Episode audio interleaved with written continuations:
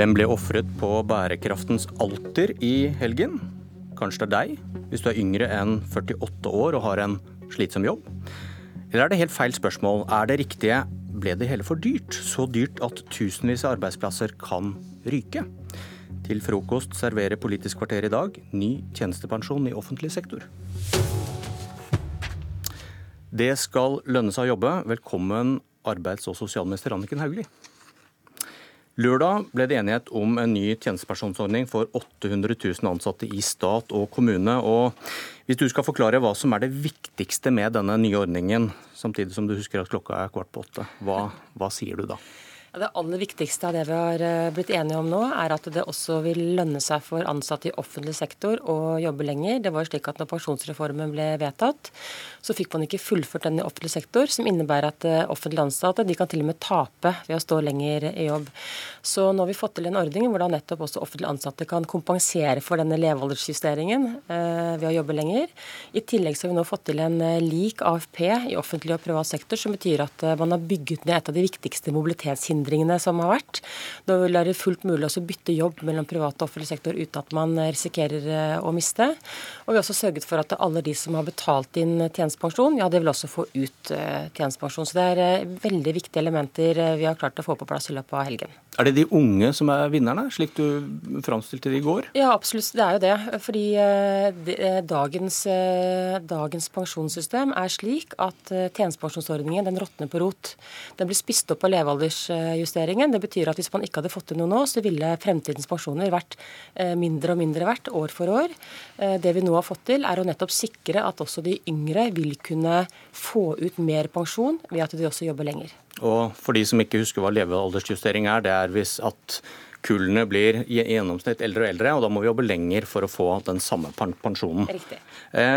Det skal lønne seg å jobbe så lenge som mulig. Men hva med de som ikke klarer å jobbe lenge. For alle som er født etter 1970, og som ikke klarer å jobbe etter at de er 62 år, sliterne i tunge yrker, som vi har hørt om, vil få lavere pensjon enn med dagens AFP-ordning. Og hvorfor er det riktig å gjøre det på den måten? Ja, altså det har vært en av de store og vanskeligste diskusjonene som vi har hatt i forhandlingene også. Eh, det er klart at eh, Hvis det skal lønne seg å jobbe lenger, så betyr det at man vil få mer jo lenger man eh, jobber. Det har vært et viktig prinsipp under hele pensjonsreformen, også det som ble vedtatt i 2009. Men disse har vært beskyttet da før disse sliterne ved at det kunne gå av tidligere? Ja, Man legger om hele ordningen, men det, men det betyr, betyr, ikke at man ikke får en eh, god pensjon. Man får fortsatt en god pensjon selv om man går av tidlig. Du kan kunne gå av eh, ved 62 år. Du kan også nå ta ut pensjon samtidig som man jobber ved 62 år. Det er en dårligere du, ordning enn, eh, ja, en man får, har i dag? Du, du, får, du, får, mindre av å jobbe lite enn hvis du jobber mer, men samtidig så har vi også fått inn elementer som også sikrer de som går av tidlig. Men så er det så viktig å huske på at nå skal vi nå legge om hele pensjonssystemet, vi skal jobbe lenger alle sammen, så må vi også kanskje gå bort fra den tanken om at skomakeren skal bli ved sin lest i 40 år. Vi må også ta inn over oss at vi kanskje også må omskolere. Og så er man i yrket hvor man tenker at dette kan bli krevende, ja, så må man også vurdere om man kanskje skal omskolere seg, og arbeidsgiveren også må være gode arbeidsgivere som bidrar til nettopp at man kan ja. kanskje flytte på seg hvis jobben er krevende. Ja, til det,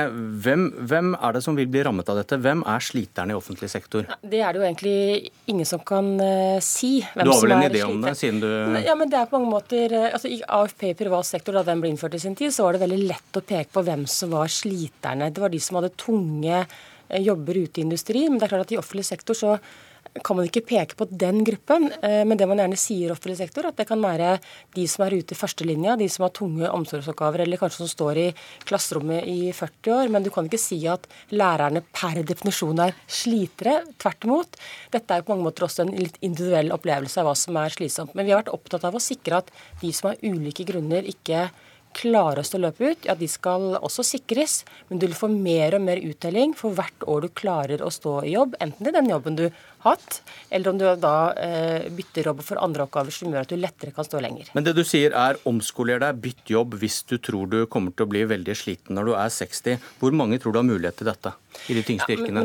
Hvor realistisk er det? Men det er klart at når vi nå skal legge opp til at kan vi leve lenger og lenger, levealderen har jo økt mye i løpet av de siste 20-30 årene. og det er klart at Hvis du skal ha 25 år som pensjonist, vi kan ikke legge opp til et system hvor man skal basere oss på det. Vi er nødt til å jobbe lenger alle sammen. Men Nå svarte du ikke på spørsmålet jeg spurte. Hvor hvor mange tror du har mulighet til det du oppfordrer til, å omskolere seg hvis man er i førstelinja, hvis man har en tøff jobb med tunge løft i omsorgssektoren f.eks., og bli sjef men, på kontor, er det det, du sier? Men det vi nå gjør, er jo at vi sier at også offentlig ansatte kan gå av når de er 62, og de vil også nå Men da får de en dårligere pensjon? Jo, men de vil kunne også jobbe samtidig, så du kan ta et grader. Så du vil kunne ha et annet Du kan jobbe på en annen måte. Du kan gradere pensjonen din.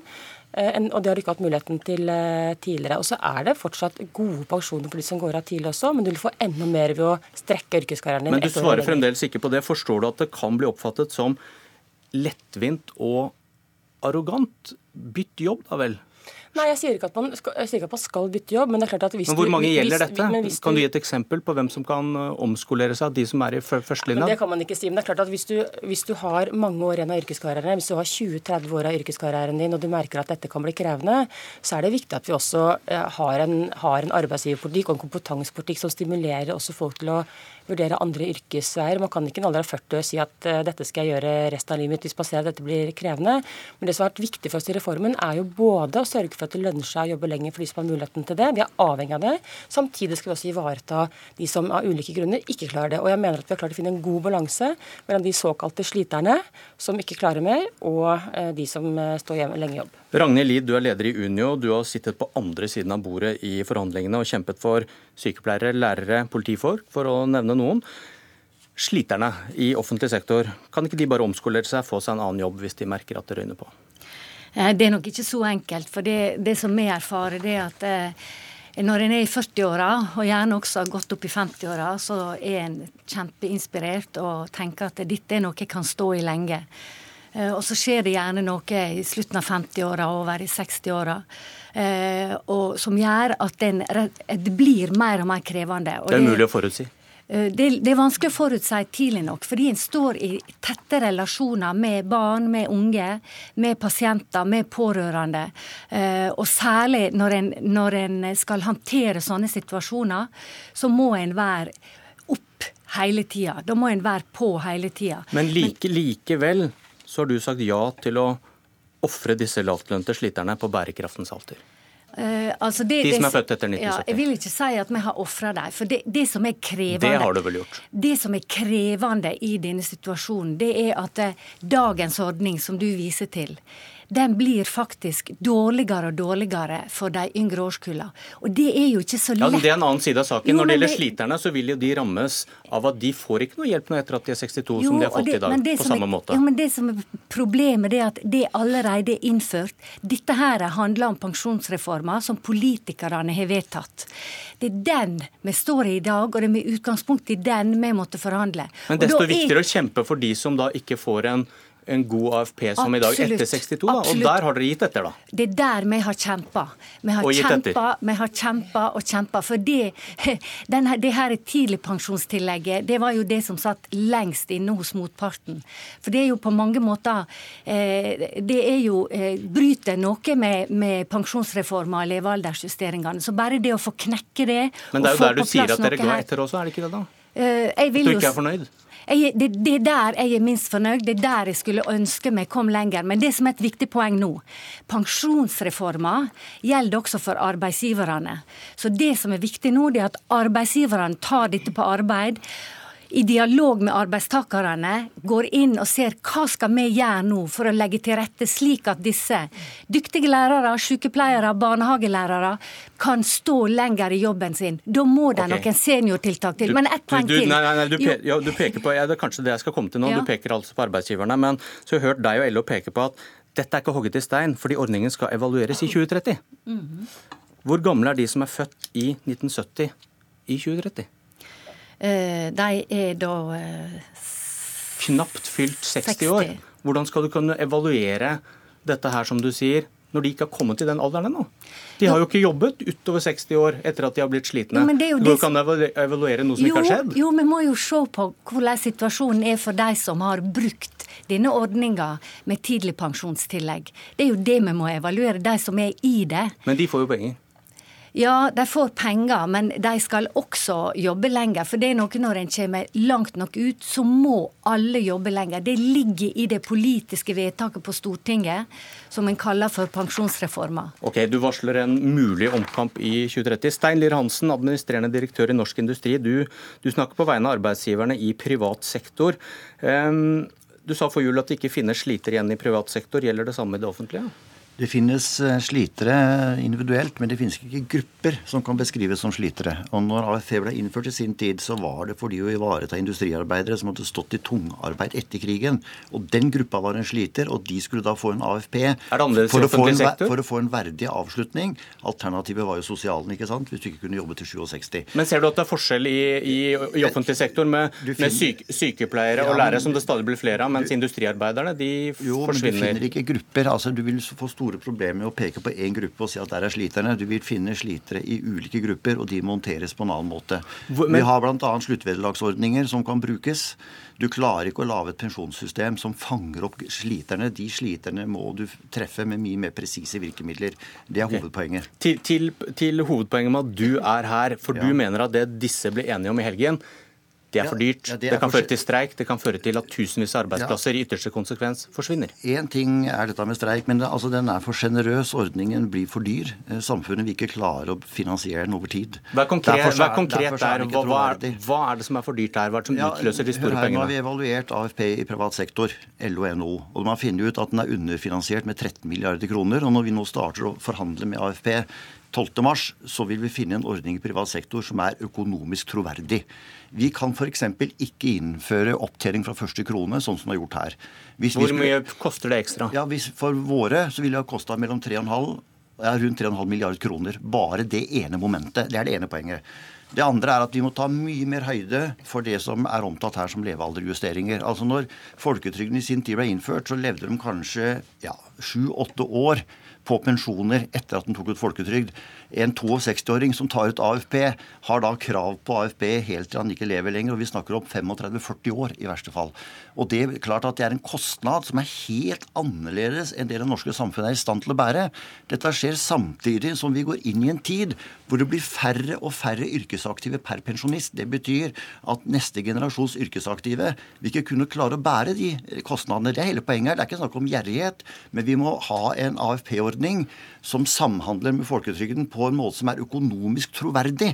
Og dette er ikke troverdig. Altså jeg vil si at en som er 62 år i, i 2040, vil aldri kunne basere seg på den enigheten som nå er oppnådd, for den vil aldri bli gjennomført. Den vil falle som et korthus. Anniken Hauglie, dette høres ikke bærekraftig ut. Det du har gått med på, hvis du skal tro han? Altså, jeg må innrømme, jeg er litt sånn overrasket over kritikken, egentlig. Fordi eh, noe av hovedpoengene og noe av det som har vært viktig å gjøre i denne reformen, som alle har snakket om i alle år, er jo å bygge ned hindringene som er mellom offentlig og privat eh, sektor. Og AFP har vært en stor, st har jo vært en hindring fordi ordningene har vært så ulike. Det som man nå har gjort, har jo vært at man har kopiert eh, AFP i privat sektor. Det er noe helt identisk. Det er ikke dyrere, som man hevder, da? Det, er en blåkopi både på at vi nå har, gjort det, altså vi har hevet kvalifikasjonskravene i offentlig sektor, slik at på samme måte som det er i privat sektor, og, er, og, er helt, eh, og den er helt uh, identisk. Men så er det jo et poeng for så vidt. Uh, og det er jo at nettopp fordi man også holder på med forhandlinger om privat AFP, så sier vi jo, og offentlig skal ikke være hoppsi, frontfag på AFP, så sier vi også i denne avtalen at hvis det skjer store endringer i privat sektor, ja, så må vi også sette oss ned ved bordet i offentlig sektor for å se hvilke justeringer man skal ha. Men det vi nå har gjort i offentlig sektor, er å kopiere den private, slik at sånn som det også på mange måter oppdraget har vært hele tiden, sørge for at de er like, og at man nå hindrer eller bidra til at man kan bytte jobb uten å miste rettigheter. Kan, kan du, være misfornøyd med det som ja, hevdes er en blåkopi, da? Delvis er det riktig. Jeg bestrider ikke det. Men, men det, er altså, det, er altså, en blåkopi av en privat AFP som ikke er bærekraftig. og Derfor skal vi endre vår AFP. Og Da blir det feil at det offentlige nå legger føringer for en fremtidig AFP i offentlig sektor før de vet hvordan den fremtidige ordningen i privat sektor faktisk vil bli. Og det er jo som eh, ministeren sier her, altså det er jo privat sektor konkurranseutsatt industri som er frontfaget. Og det er de som må sette ramma for hva vi har råd til å koste på oss av lønn og pensjoner. Ragnhild Lie, tror du dine venner, eh, de ansatte i privat sektor, nå kommer til å kreve det samme som du har fått til? Jeg vil jo tro at det er utgangspunktet, men det som også er viktig å tenke på, det er at vi har altså hatt en ordning, en offentlig tjenestepensjon og en offentlig AFP. Det er det vi må forhandle med utgangspunkt i. Eh, og der har vi hatt en sluttlønnsordning. Nå går vi over på et annet system der du skal ha 40 års opptjening. Det må vi ta hensyn til. Her har folk lang utdanning før de kommer ut i arbeid. Og, da, og der er klokka spist oss opp. Takk Ragnhild Lie, takk Anniken Hauglie og Stein Lie Hansen. Det blir mer om pensjon senere. Dette var et Politisk kvarter. good.